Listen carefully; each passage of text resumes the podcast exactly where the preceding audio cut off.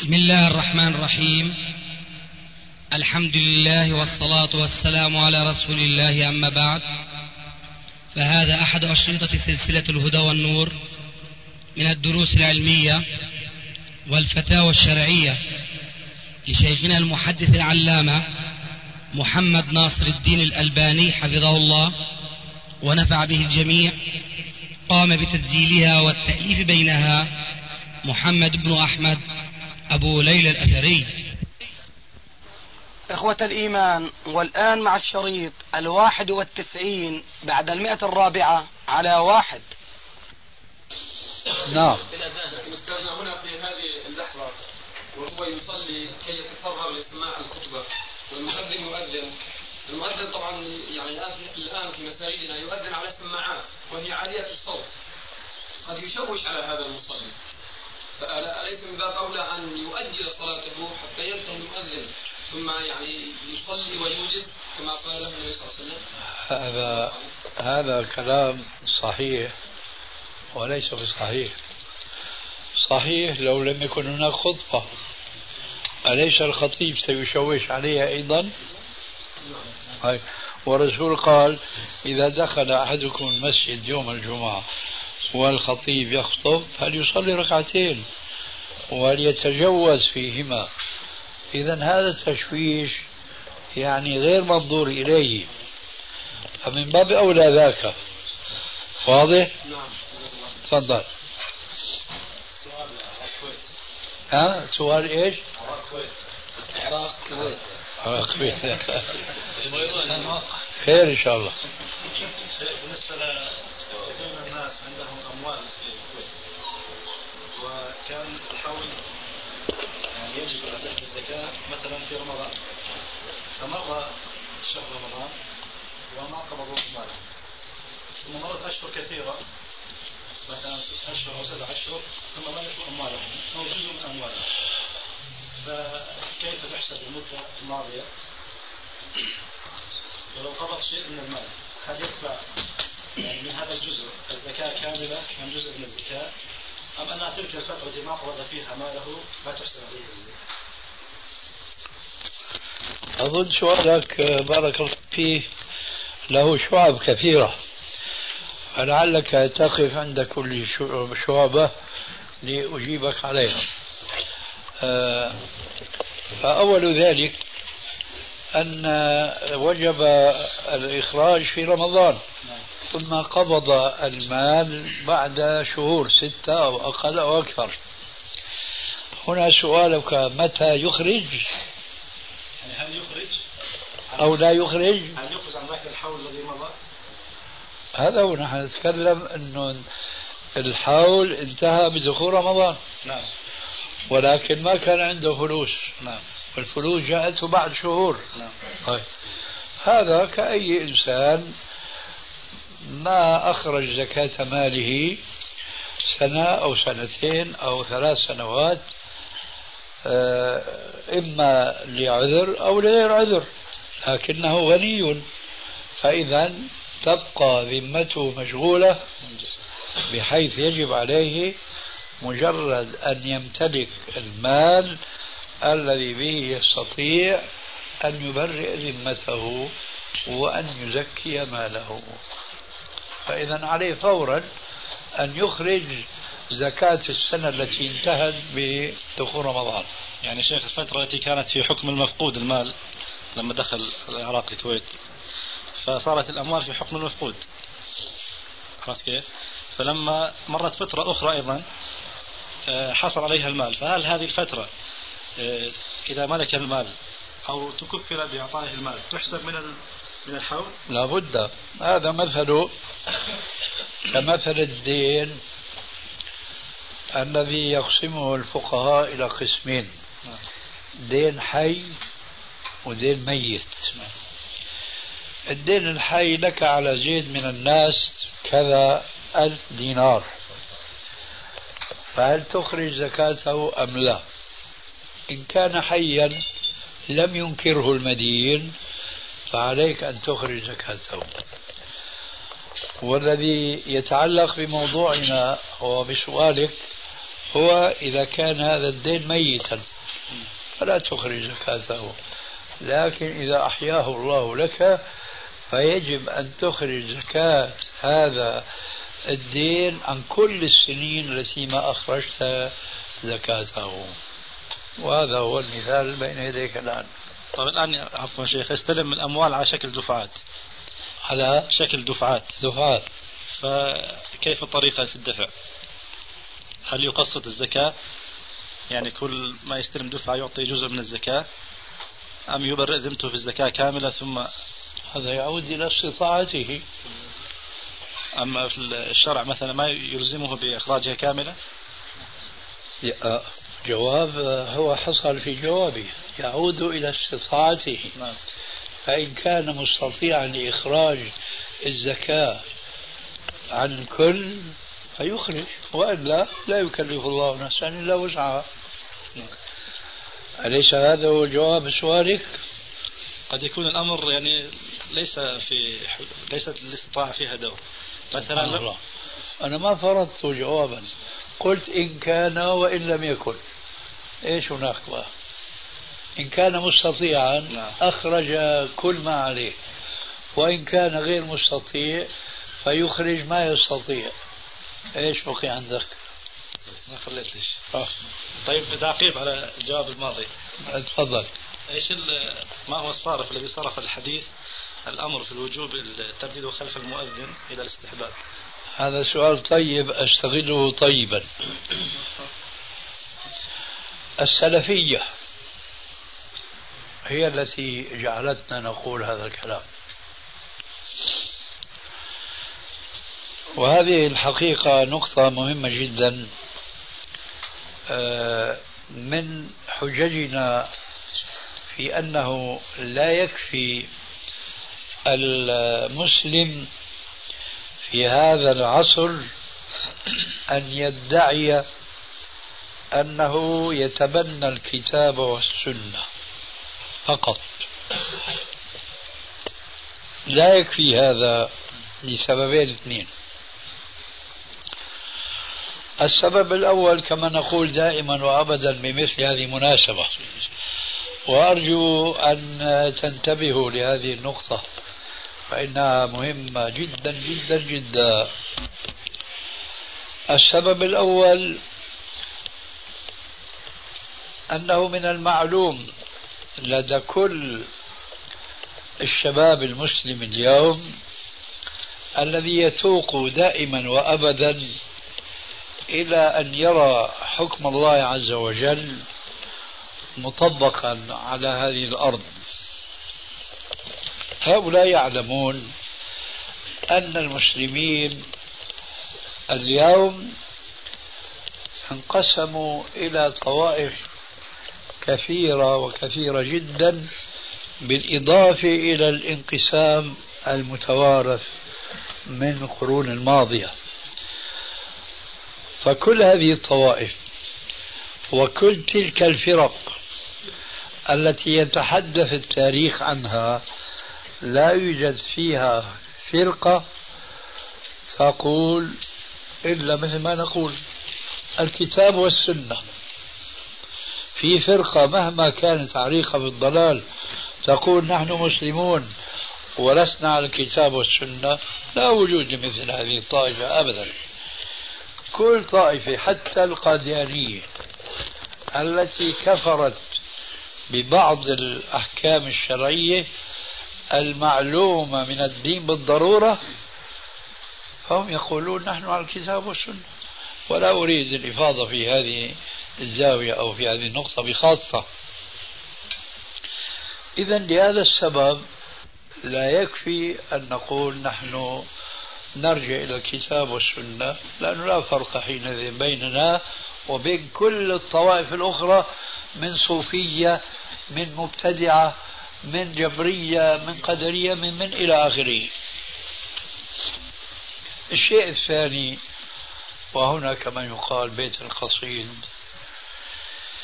يجب أن نضم إلى الكتاب والسنة اتباع سبيل المؤمنين المصرح به في القرآن الكريم.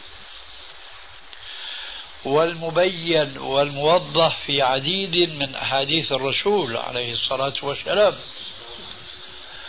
فإنكم تقرؤون قول الله عز وجل ومن يشاقق الرسول من بعد ما تبين له الهدى ويتبع غير سبيل المؤمنين نوله ما تولى ونصله جهنم وساءت مصيره. وكل مسلم عنده شيء من الثقافة الشرعية يعلم أن كلام الله تبارك وتعالى يترفع ويتنزه عن أن يكون فيه لفظة ليس لها معنى. لابد أن يكون هناك معنى ومعنى دقيق. فكيف إذا كانت جملة كاملة هي قوله تبارك وتعالى ويتبع غير سبيل المؤمنين؟ لابد أن لهذه الجملة فائدة هامة جدا. أي أن الآية الكريمة لو قرأت خطأ على النحو التالي ومن يشاقق الرسول من بعد ما تبين له الهدى نوله ما تولى ونصه جهنم وقد وساءت مصيره. هل يكون أخل بالمعنى أم لا؟ لا شك أنه أخل بالمعنى. إذا ما هو المعنى المقصود من قوله تعالى في هذه الجملة ويتبع غير سبيل المؤمنين. هنا بيت القصيد. نحن ننتمي إلى الكتاب والسنة. يجب علينا أن نفهم الكتاب والسنة على ما فهمه السلف الصالح. ذلك لأن السلف الصالح آه، تلقوا الشريعة من فم النبي صلى الله عليه وسلم غضا طريا. ومن الخلافات المعروفة في كتب أصول الفقه فضلا عن كتب فروع الفقه اختلافهم في الأمر الصادر من الله أو من رسوله. هل الأصل فيه الوجوب؟ أم الأصل فيه الاستحباب؟ أم ليس هناك أصل وإنما يفسر حسب القرائن. مسألة خلافية مع أنها من علم أصول الفقه الذي يتفرع حوله استنباط الألوف المؤلفة من أحكام الشرعية. وقع هذا الخلاف. وإلى اليوم يوجد حزب إسلامي على وجه الأرض يتبنى قاعدة خلاف ما تبناه علماء الأصول جمهور علماء الأصول وهي أن الأمر لا يفيد الوجود وإنما مرجع ذلك القرينة.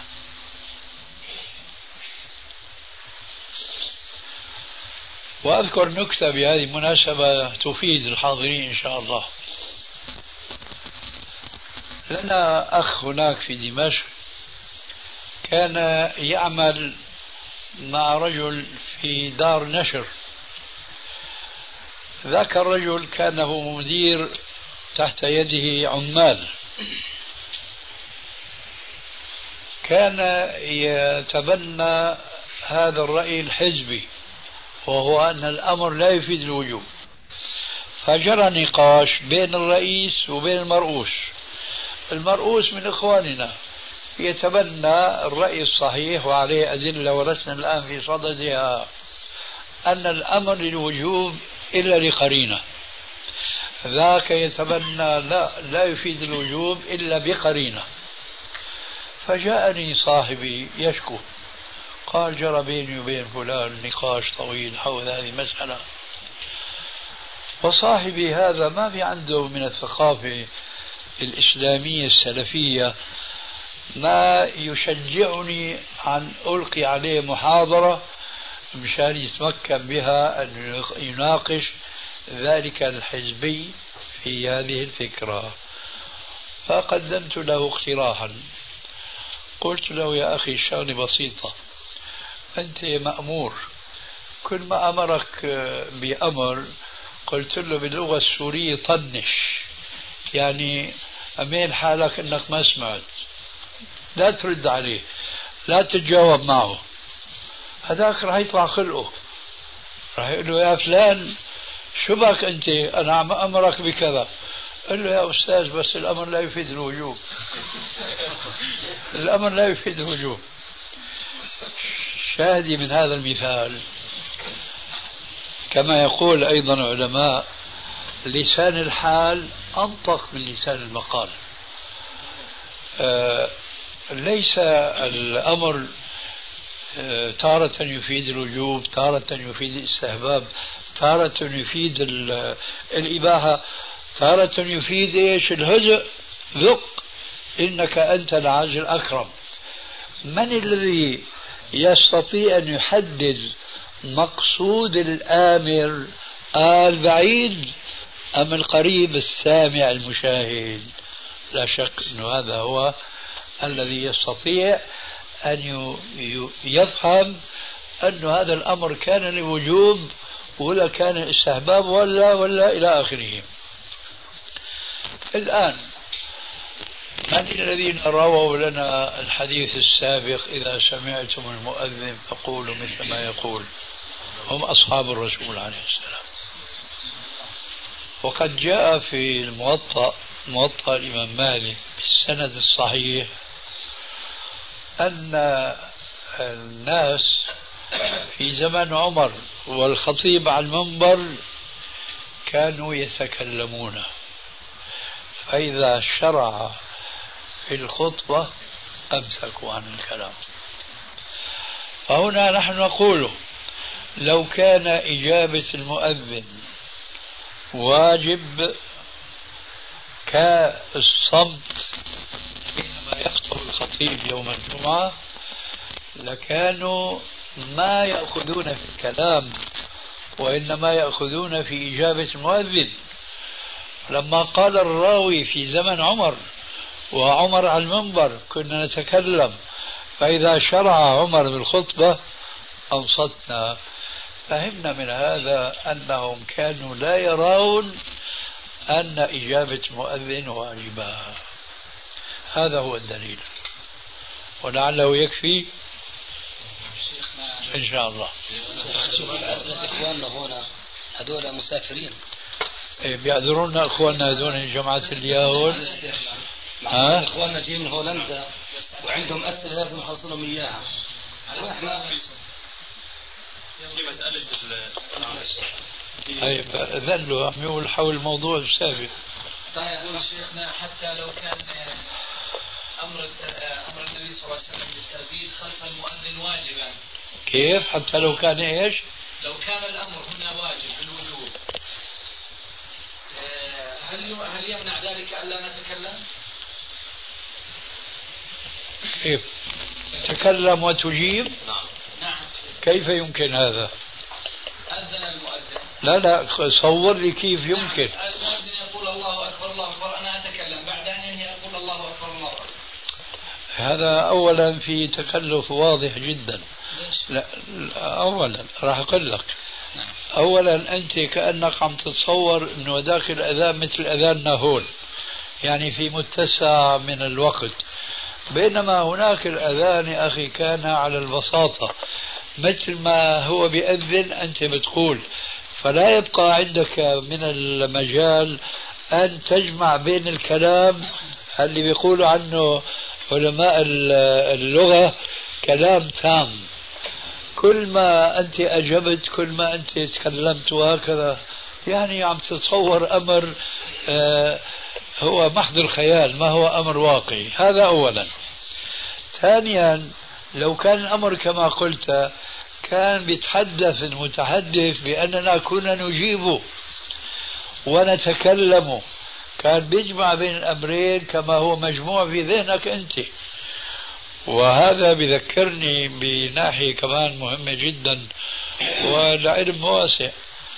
كثير من الناس لما بيتناقشوا في بعض المسائل ويقفون عند بعض الأحاديث بيقولوا إيه بجوز إنه يكون الرسول قال كذا. وأنا أضرب لكم مثلا أنا حديث عهد به. تعرفون حديث الخثعمية في الحج؟ وهي أن النبي صلى الله عليه وسلم بعد أن رمى الجمرة لقيته امرأة آه، خثعمية وكان رديفه عليه السلام الفضل بن عباس. فكان ينظر إليها وتنظر إليه. وكانت جميلة وكان هو الفضل وضيئا. فصرف النبي صلى الله عليه وسلم وجهه وجه الفضل إلى الجهة الأخرى.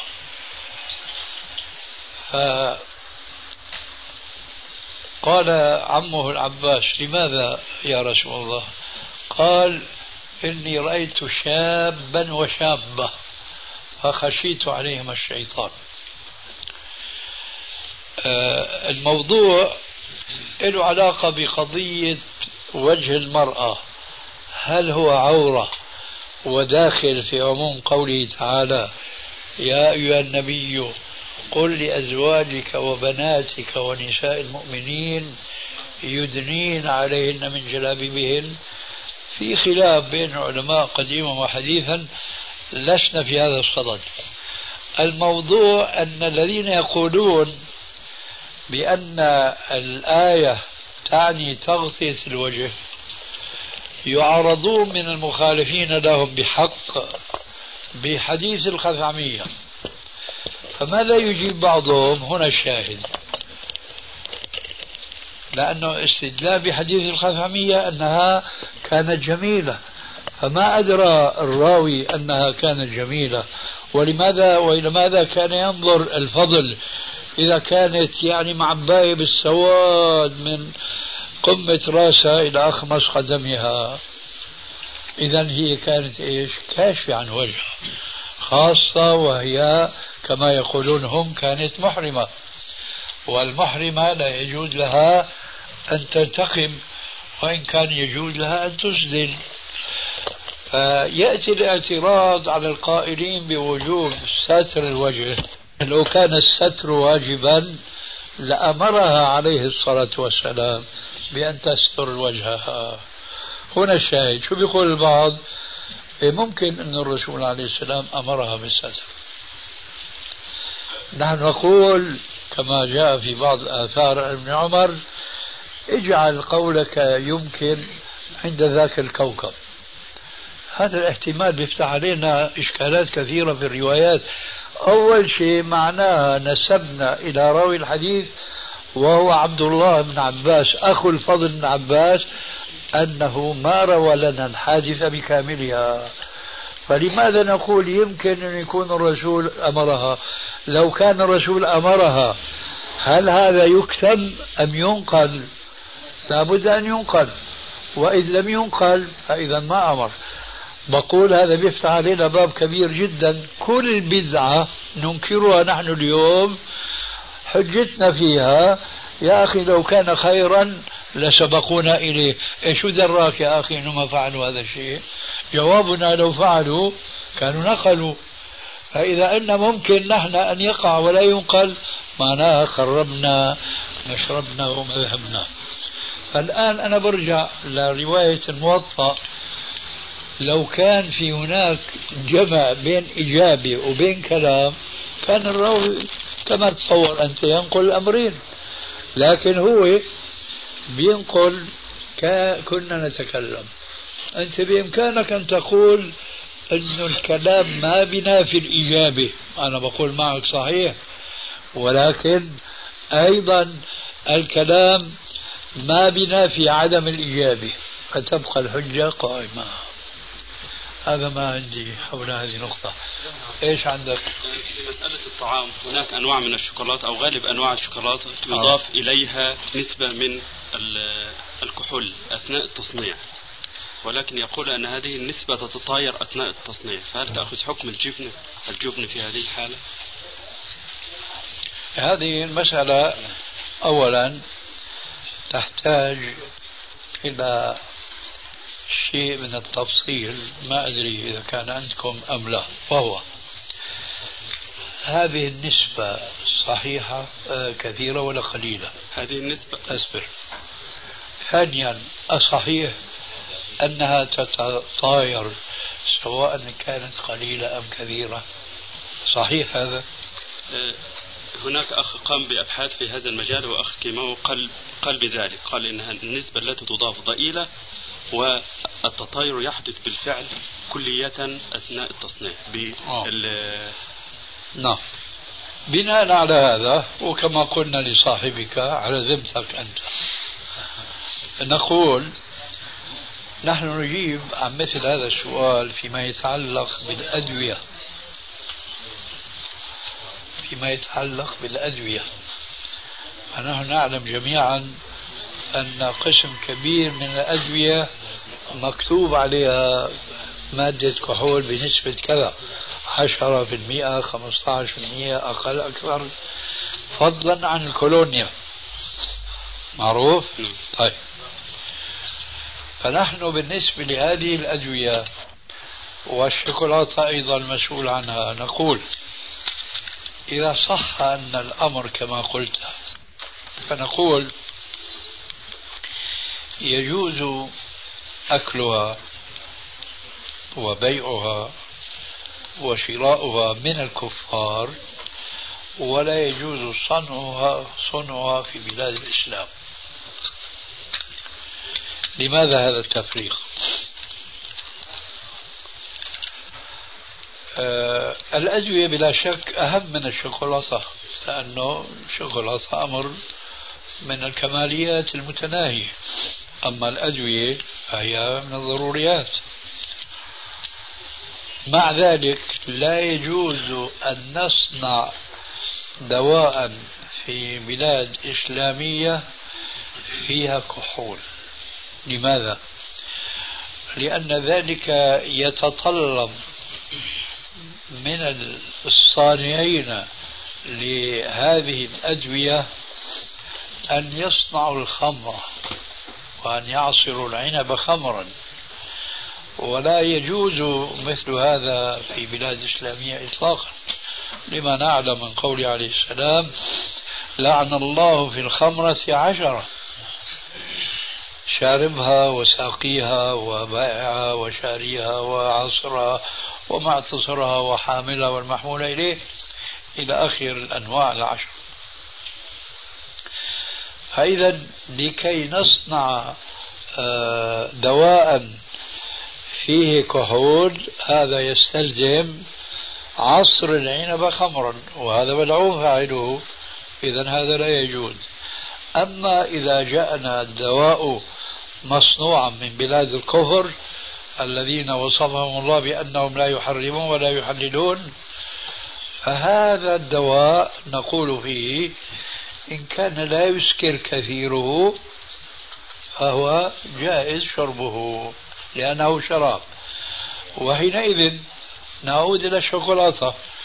إذا كان صحيحا قول من أخبرك بأن هذه الكحول تتطير تتطير بعد صنعها فإذا هي لا تسكر بطبيعة الحال أكلها ولكن أعود أؤكد لا يجوز صنعها في بلاد الإسلام.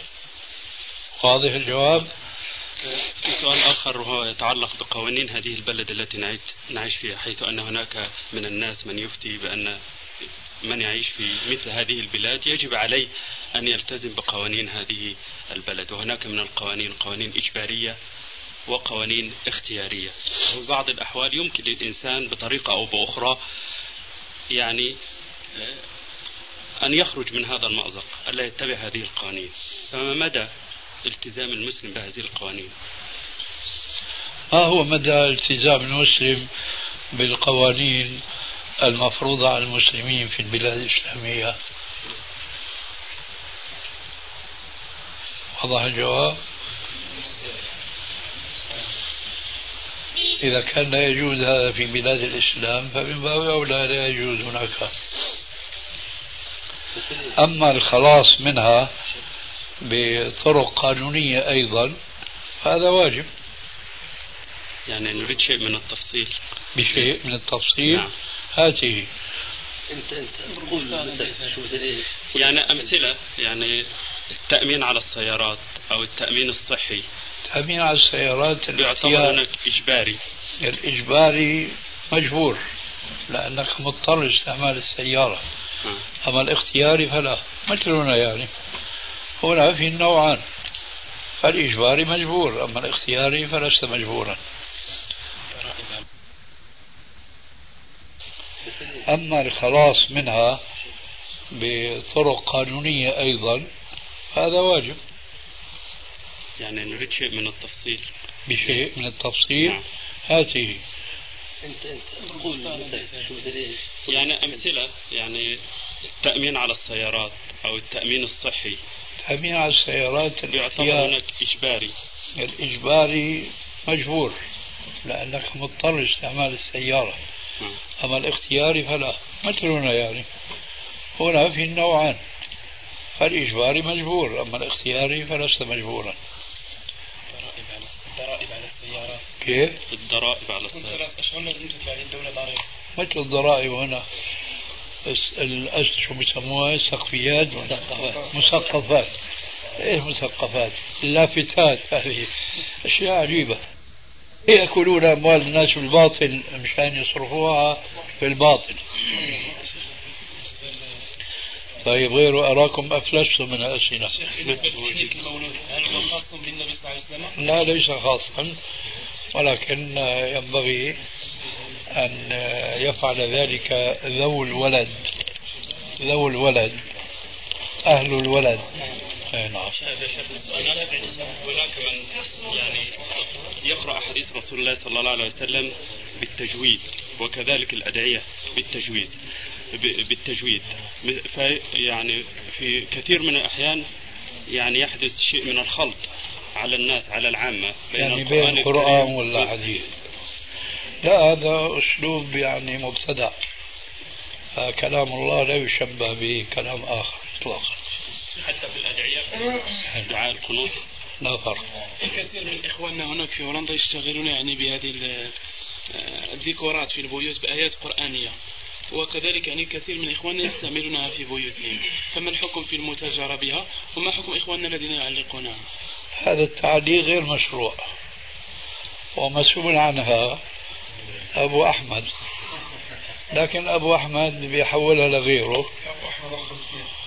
والغير ما هو بيتحمل المسؤولية أو هو أما أما الذين يصنعونها فهم لا يعملون عملا مشروعا لأن القرآن ما نزل لتزيين الجدر وإنما لتعمير القلوب بما فيها من الحكمة والموعظة الحسنة نعم. ما حكم حضور النساء للمسجد في تلك البلاد؟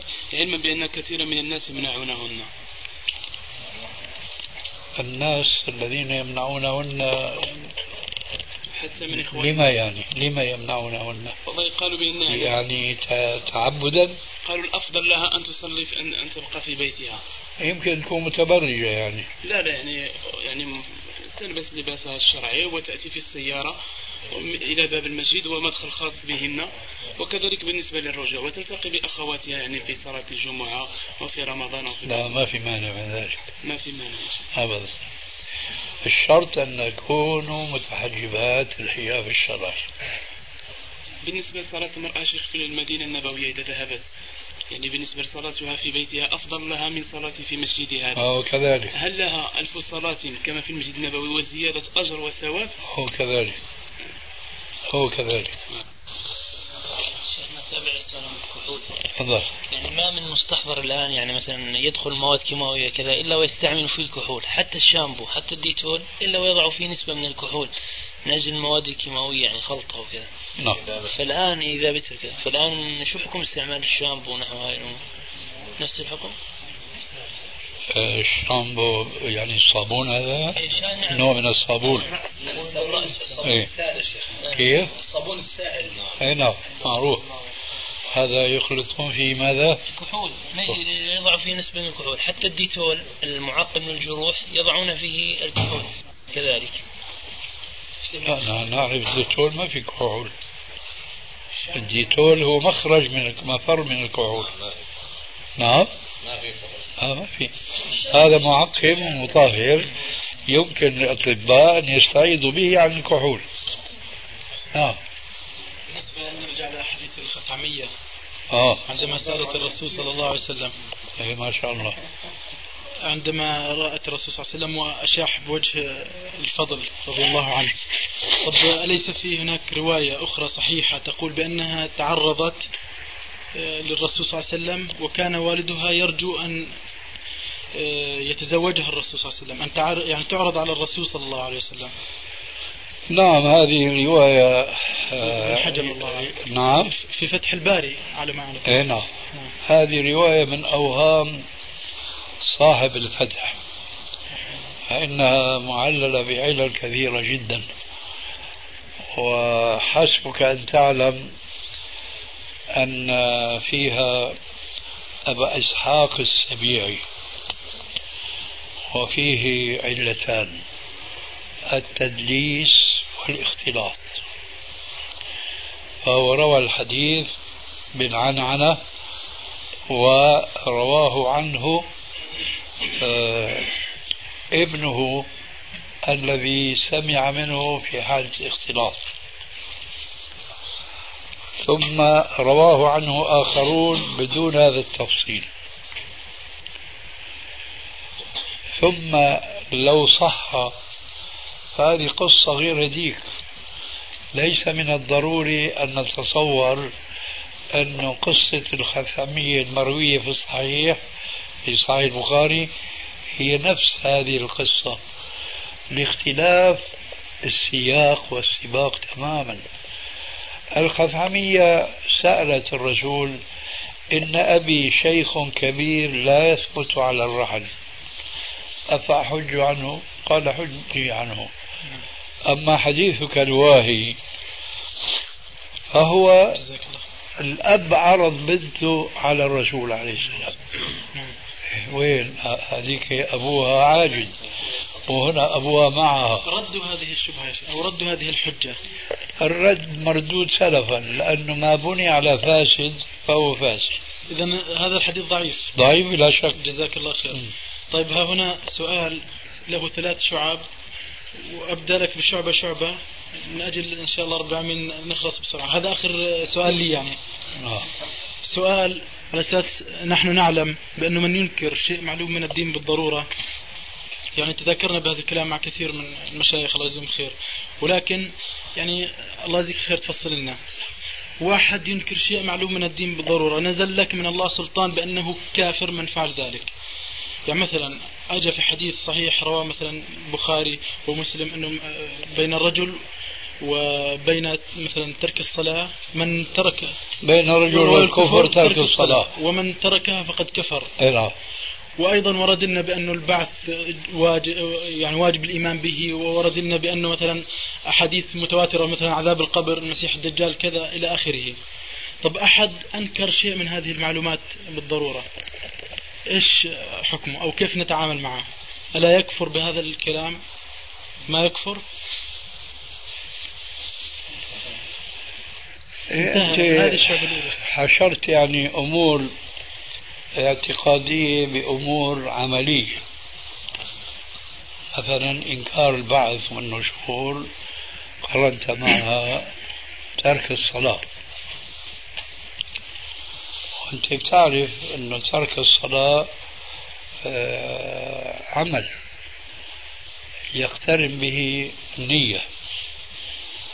أما البعث هو مجرد إيمان وقر في القلب أو خرج من القلب. آه، الأحكام أحكام العبادات والمعاملات لا يمكن أن تقرن مع الغيبيات. الآن حدد كلامك حتى يتضح لك الجواب.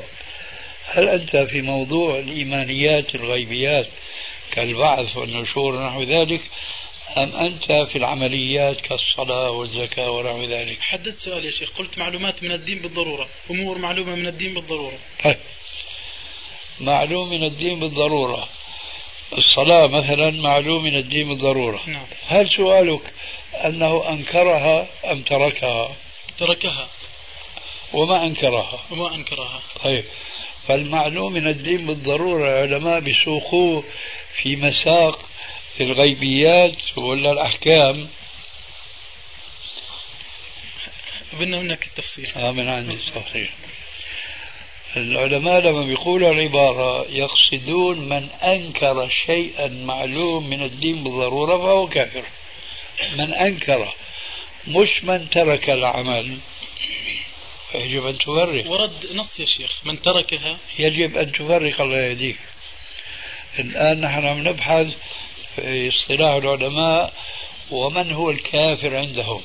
ما عم نبحث بخصوص تارك الصلاة هي إلى حجرة لوحدها بحث لوحده. فمن أنكر شيئا معلوم من الدين بالضرورة هو الذي يكفره العلماء. أما من ترك شيئا معلوم من الدين بالضرورة وهو يؤمن أنه من الدين بالضرورة فهذا لا يدخل في قاعدة من أنكر شيئا معلوم من الضرورة فقد كفر لأنه لا ينكر. يعني الآن أنت جئت بمثال الصلاة. لأنه موضوع الساعة ومشايخ السعودية دائما بدندنوا حول القضية هي. اترك الآن مؤقتا موضوع الصلاة. وخذ الذي لا يصوم. هل هو أنكر شيئا معلوم من الدين بالضرورة؟ لا. طيب. هل هو كافر وهو لا يصوم؟ لا. طيب. ما ورد لنا في نص يا شيخ. لا تقول يا أخي ما ورد. ورد نص بأنه يكفر تارك الصلاة الله يهديك. اصبر. تفضل. الآن نحن عم نزيل عراقيل لا يقع الإنسان في سوء الفهم. نعم. منها أن نعلم ماذا يعني العلماء من أنكر معلومة من الدين بالضرورة. فالصيام هي من الأحكام المعلومة من الدين بالضرورة. الصيام فمن أنكر شرعية الصيام كمن أنكر شرعية الصلاة. كلاهما كافر. بل من أنكر ما هو دون ذلك؟ من أنكر مثلا تحريم الخمر فهو كافر. والأمثلة بالعشرات إن لم نقل بالمئات والألوف. إذا الآن واضح لك شو المقصود من قاعدة المعلوم من الدين بالضرورة لكني أنا أظن مو هذا أنت موضوعك. بس اختلط عليك شعبان برمضان. موضوعك أنه تارك الصلاة جاء في نص من ترك الصلاة فقد كفر. ولذلك هذا ظهر منك أكثر من مرة خاصة لما جبت لك مثال الصيام. قلت ما جاء في من ترك الصيام؟ أنا بقول الآن إذا موضوعك ما حكم من ترك الصلاة؟ طيب. بس الله يجزيك خير يا شيخ. برضو أنا أقصد الأمور الأخرى. جزاك الله خير أنت فصلت لي سؤالي.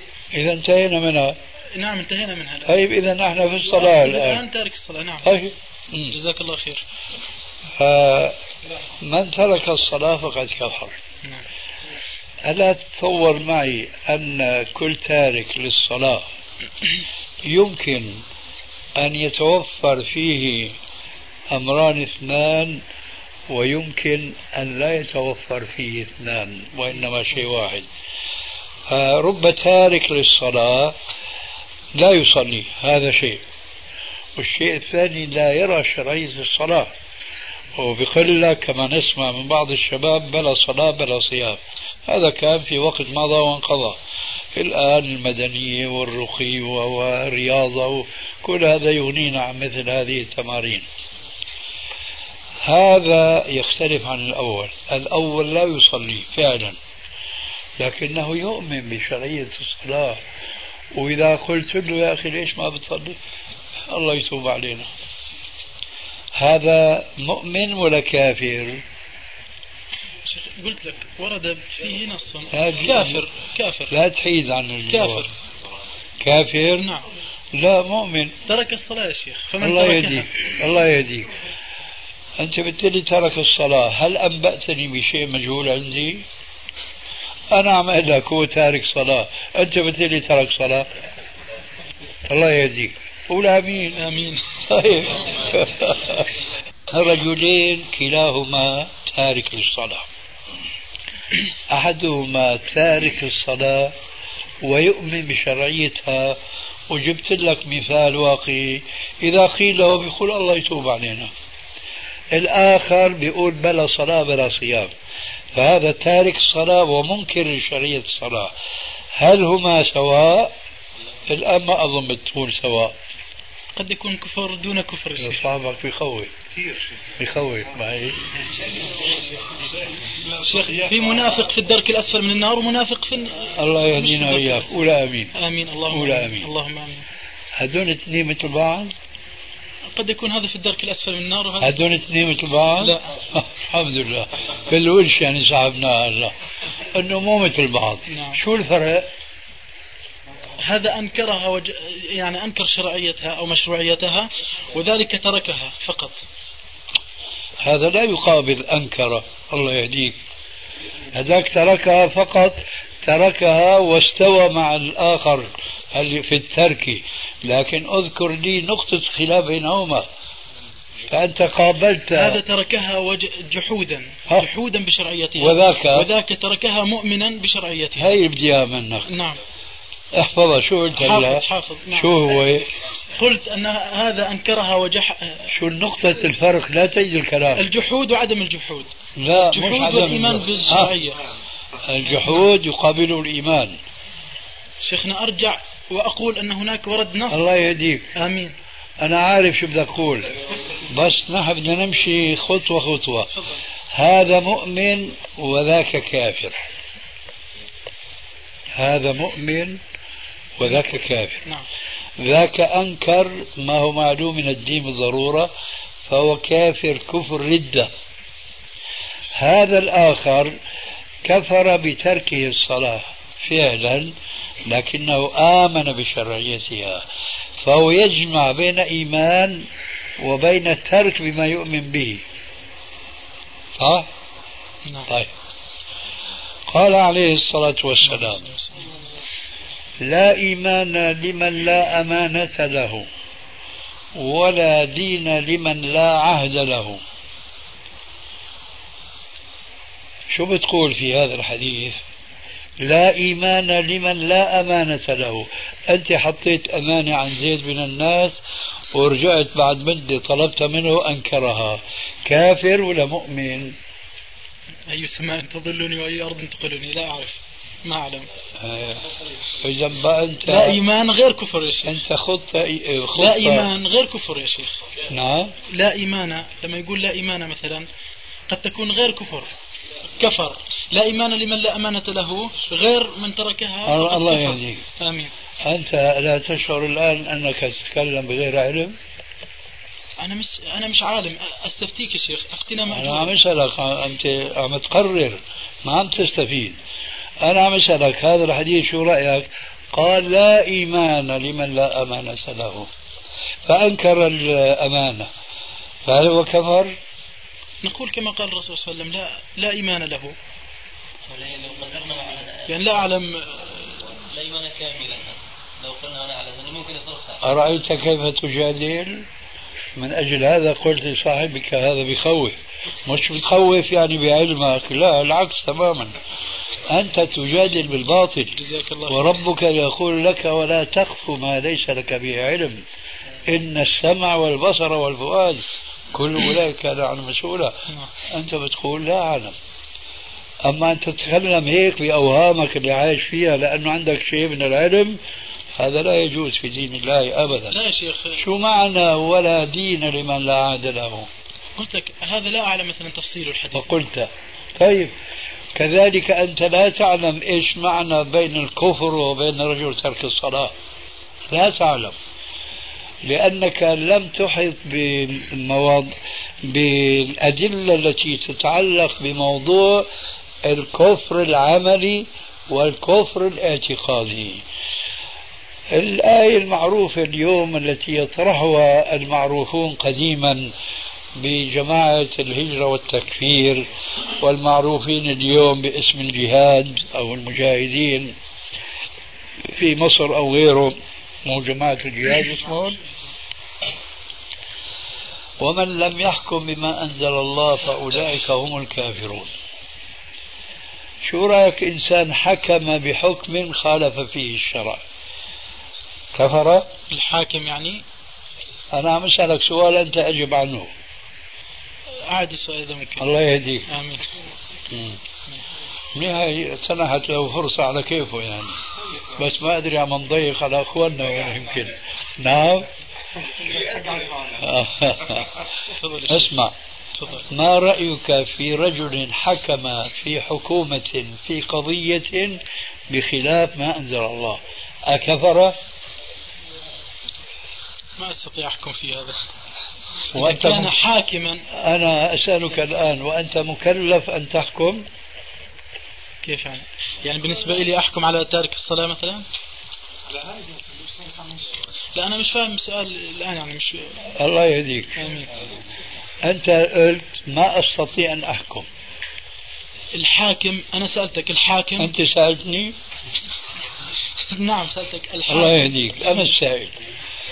رجل حكم بحكومة على خلاف حكم الله عز وجل. أكفر؟ أنا السائل أنت عليك الجواب. بتقول كفر؟ ما كفر؟ لا أدري. ومن لم يحكم ما أنزل الله فأولئك هم ما الكافرون بيجاوب.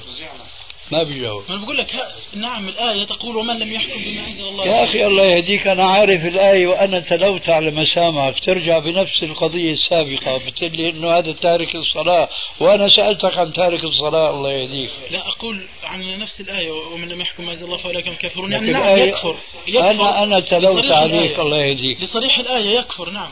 الله يهديك. أنا أسألك عن الآية تلوتها أنا على مسامعك. وبنيت عليها هذا السؤال. رجل حكم في قضية ما بخلاف ما أنزل الله. أكفر؟ قل لي الآية أنا ها. أنا مش مستوعب سؤالك. سؤالك ما استوعبته. لا. لن تستطيع أن تستوعبه. تعرف ليش؟ لأنك مالك بهالمستوى. لازم تعرف حالك.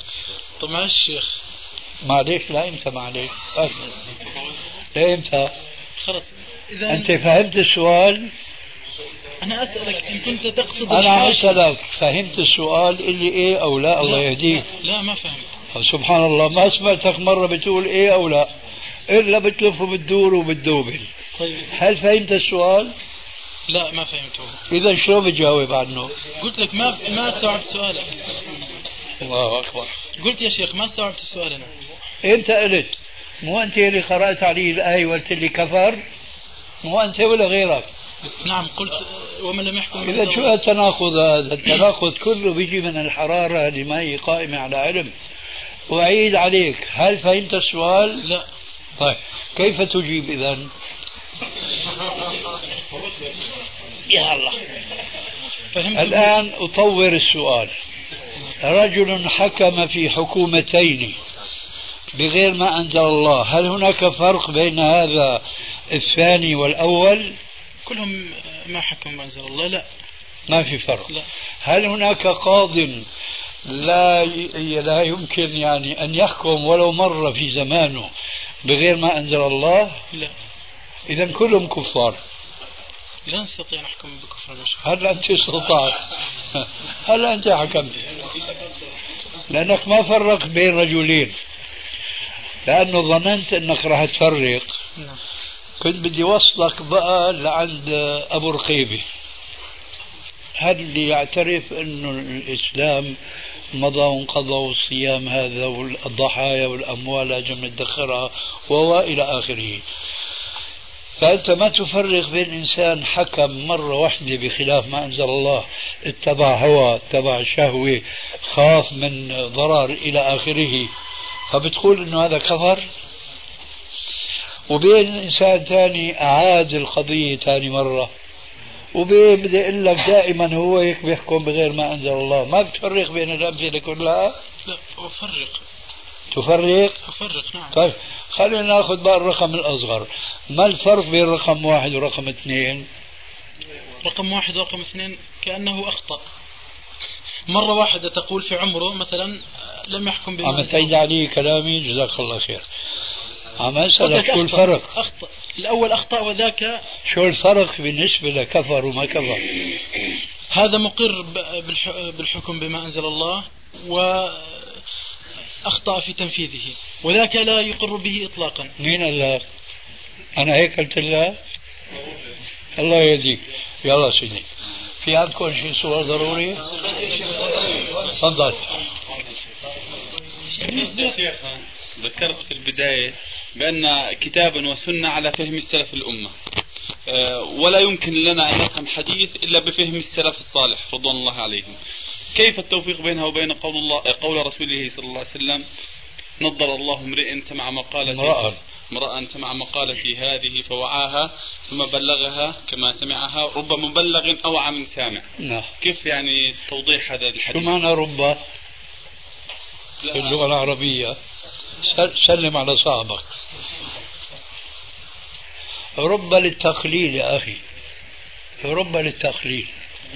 أي قد يأتي بعض الصحابة من يفهم بعض المسائل أكثر من هؤلاء البعض الذين سمعوا كلام الرسول. لكن ليس معناه أنه يأتي بشيء جديد ما سبق إليه من كل الصحابة. فهمت الجواب؟ نعم. طيب. ثبت أن الرسول صلى الله عليه وسلم صلى إلى غير جدار لا هذا ما صح. شيخنا عند عصام السلام ويسأل. يعني ما حكم الدخول في البرلمان. كيف؟ حكم؟ حكم الدخول في البرلمان. ما في في المجتمع الإسلامي برلمانات. برلمانات ما في. في مجلس شورى. أما برلمانات تقام على انتخابات تخالف قول الله عز وجل. أفنجعل المسلمين كالمجرمين؟ ما لكم كيف تحكمون؟ برلمانات تقوم على أساس التسوية بين المؤمن والكافر بين المؤمن الصالح والمؤمن الطالح. تقوم على التسوية بين الرجل وبين المرأة. هذا برلمان ليس إسلاميا. هذا برلمان قائم على نظام إما ديمقراطي أو اشتراكي أو نحو ذلك من الأنظمة التي تخالف الإسلام جذريا. ومن المؤسف اليوم أن يكون في بعض الجماعات الإسلامية ممن يريدون أن يقيموا دولة الإسلام أنهم يتورطون ويدخلون البرلمانات مشان يصلحوا ما في البرلمان وإذا بالنتيجة هن بتبرلموا. إذا صح التعبير. نعم. عندي سؤالان الأول. ما الفرق بين تسلسل الحوادث عند من قال به من أهل السنة وقدم العالم عند الفلاسفة؟ هذا السؤال الأول. الذي يقول من أهل السنة بتسلسل الحوادث يصرح بأنه ما من مخلوق إلا وهو مسبوق بالعدم. أما الفلاسفة فلا يقولون ذلك. وحسبكم هذا التفاوت بيننا وكل إناء بما فيه ينضح هذا الجواب عن السؤال الأول. الثاني النصراني الذي استكره المسلم على الزنا في عهد عمر فصلبه هل نفهم من ذلك أن حكم النصراني الصلب سواء كان بكرا أم ثيبا؟ بعكس المسلم. أولا هذا الأثر هل هو صحيح عن عمر؟ صحيح صححته في الأرواح. شو نصه؟ قال أن رجل في عهد عمر بن الخطاب استكره امرأة على الزنا. مسلمة. فقال له عمر بن الخطاب ما على هذا عاهدناكم؟ نعم فصلبهم. أي نعم شو السؤال؟ السؤال هل يعني حكم النصراني إذا زنى بمسلمة يقتل سواء كان بكر أي نعم؟ لأنه خالف العهد الذي بيننا أي نعم.